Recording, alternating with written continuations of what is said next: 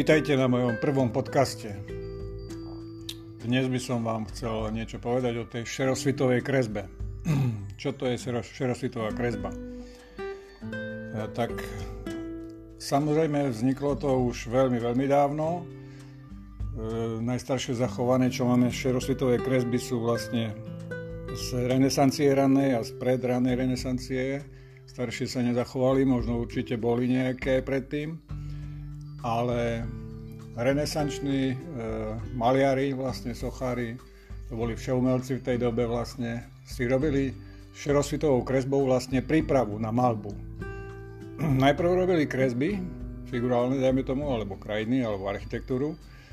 Obyčajné kresby, to sa kreslilo vlastne vtedy ešte olovom, ceruska ešte neexistovala ako grafitová, alebo striebornou, ceruzou, to znamená, že písalo striebro na špeciálny podklad, ktorý sa urobil na papier z kostnej mučky. Ja som to robil pred pár rokmi prvýkrát v živote tiež a je to fantastické. Čiže je to strieborný drôt, alebo medený, alebo zlatý dokonca môže byť, mosadzný takisto, ale na špeciálny podklad na papieri, hej, na obyčajný papier to nekreslí. No a potom, keď už chceli modelovať veci, podobne ako na podmalbe na obrazoch, Samozrejme, pod obrazy sa vždy robila podmalba. To znamená, že bol tam nejaký tón, väčšinou hnedý, alebo oranžový, alebo šedý, ten sa volá grisaj z francúzštiny ako šedý.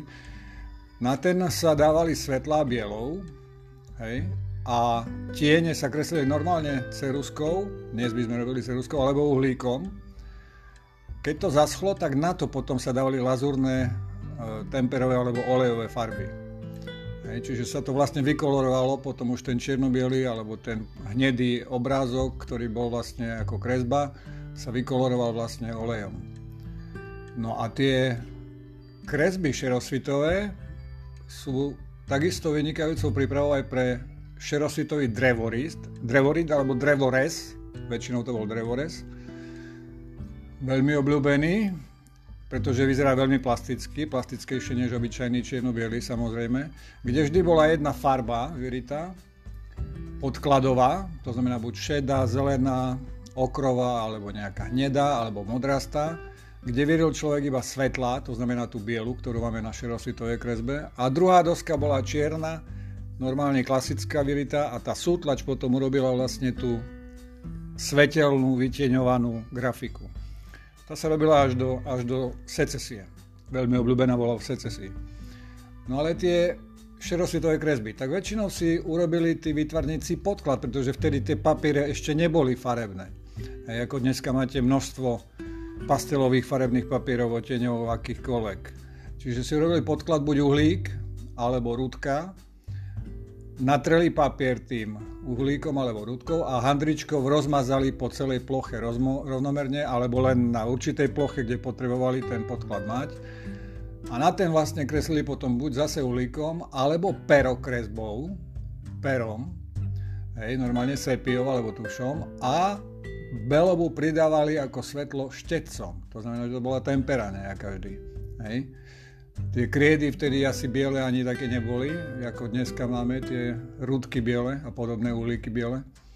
Takže vlastne u Dürera máme spustu škíc, aj tých hlav, ktoré som vám dal práve do toho albumu na Google, Google Photos, kde som navyberal spustu všelijakých krezieb aj grafik eh, šerosvitových.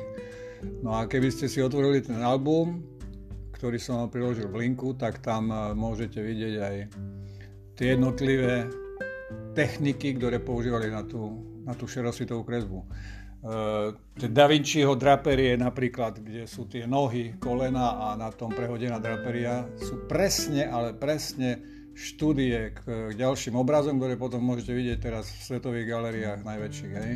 Ako Madonna v skálach alebo zvestovanie Pany Márie. Čiže tam sú tie svetla a tiene fantasticky namodelované, pôsobia skoro až ako socha. Hej, na obraze už to potom nie je také výrazné, pretože to prekrie farba. Hej, takže túto pôsobí oveľa grafickejšie a niekedy až ako mezotinta dokonca. Hej, figurálne kresby sú väčšinou takto robené, pretože sú to fakt štúdie k obrazom väčšinou a niekedy podľa mňa sú tie kresby oveľa zaujímavejšie než samotný potom už farebný olejový obraz. Také živšie, e, také, také bezprostrednejšie ako obraz, ktorý už je potom vypracovaný technicky dokonale ako fotografia. Takže tá šerocitová kresba má svoj efekt, e, veľmi záleží od podkladu. Hej. Aký je ten podklad? Keď človek robí e, uhlíkom, tak je tam lepší samozrejme šedý, tmavší, tmavší stredný tón. Keď sú tie podklady veľmi svetlé, tak potom tá biela na nich e, nezasvieti, zaniká a e, tá tmavá zase je príliš tmavá potom. Hej. Čiže ten stredný tón je naj, najzaujímavejší. Medzi tou najsvetlejšou a najtmavšou ten stredný tón vlastne. Ťažko určiť, ktorý presne, ale e, je trošku tmavší ako svetlý. Hej. Tak by som to povedal že tam tá biela vlastne fantasticky zasvietí. No a s tou treba narábať veľmi opatrne. V tých najlepších e, kresbách, ktoré sú šerosvitové, tak tá biela je veľmi, veľmi opatrne pridávaná. Fakt len na tých najexponovanejších miestach, kde to svetlo žiari. V poltonoch tá biela sa už nedáva, samozrejme. Ten polton tvorí samotný podklad papiera. Čiže prechod z tej bielej do čiernej, do, do tieňa, tvorí ten papier. Čiže tam, tam neslobodno vôbec kresliť. Hej. Tie svetielka sa dajú fakt len na najvä, najväčšie lesky alebo najväčšie exponované miesta. A zase v tých najväčších tieňoch ide najväčšia hĺbka, tam pridávame maximálnu čiernu a strmý prechod do tónu papiera. Čiže není tam prechod z čiernej do bielej, ako keď robíte na papieri, že robíte ceruskou hej, a dáte si napríklad guľu a celú musíte vlastne vyteňovať a vynechať len to svetlo na tom papieri. Takže to je úplne iné niečo. Tu robíte na tej guli len lesk, to znamená len to svetielko na vrchu, potom až tieň, ktorý má tá guľa a pod ňou dajme tomu tieň. Hej? Ale celé medzi tým svetlom a tieňom je len podklad papiera, čiže tam človek nesmie kresliť. Hej? Musí ho vynechávať. Čím viac vynecháte toho podkladu toho papiera, toho tónu, ktorý máte, ten môže byť fantastický, aj fialový môže byť dokonca, tým lepšie, hej, tým väčší ten objem získate, to svetlo. Takže tá šerositová kresba je veľmi efektná, ale najviac záleží fakt od podkladu a od toho, čím na to kreslíte. Keď na to kreslíte fakt masnými, dobrými pastelami, ktoré sú už aj vo farbičkách dneska, čo je fantastické, hej, máte dobrý hrot, alebo obyčajnými suchými pastelmi, tak je to super. Môžete ich mázať takisto, nemusí to byť šrafované, dáte si tam bielu bodku a prstom rozmažete, alebo takouto papierovou tyčinkou na rozmazávanie, čo je veľmi pohodlné. A tie tmavé takisto potom tam držia ten zamatový tmavý podklad. No tak uh, uh, myslím, že dosť sa zanedbáva tento spôsob kresby v súčasnosti, ľudia ho nepoužívajú, čo je veľká chyba, pretože efektnejšiu kresbu ťažko nájsť medzi, medzi ostatnými, hej, čo sa týka objemu a vyzerá plastickejšie než fotka dokonca.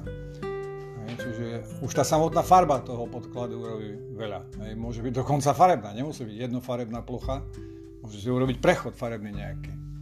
Z, tma, z, z teplej farby do studenej, dajme tomu. Hej. A to svetlo e, tiež môže mať rôznu farbu, nemusí byť úplne biele vždy. Ak je podklad papiera tmavý, tak e, aj svetlejší tón od toho papiera, ak máte takú pastelku, ten takisto vyzerá veľmi dobre. Že nemusí byť úplne biely. Čiže toto je na tej kresbe veľmi efektné. Zatiaľ, čo ste mi poposielali, veci sú veľmi, veľmi fajnové. E, po prvých pokusoch, čo som videl, nie je to zlé, len často tam chýba ten kontrast práve, ale možno to robí aj to, že máte šedé fotky, ktoré ja vidím v maili, takže tam ťažko posúdiť, to by sme videli až v origináli, keď sme to mali pred sebou. Ale Najčastejšie tam vidím len nedostatok toho kontrastu, hej, že od úplne čiernej alebo úplne tmavej až po tú fakt bielu, ktorá musí zasvietiť na tom najvyššom bode, najexponovanejšom. Takže dneska toľko zatiaľ. Držte sa, opatrujte sa. Peter Kocák.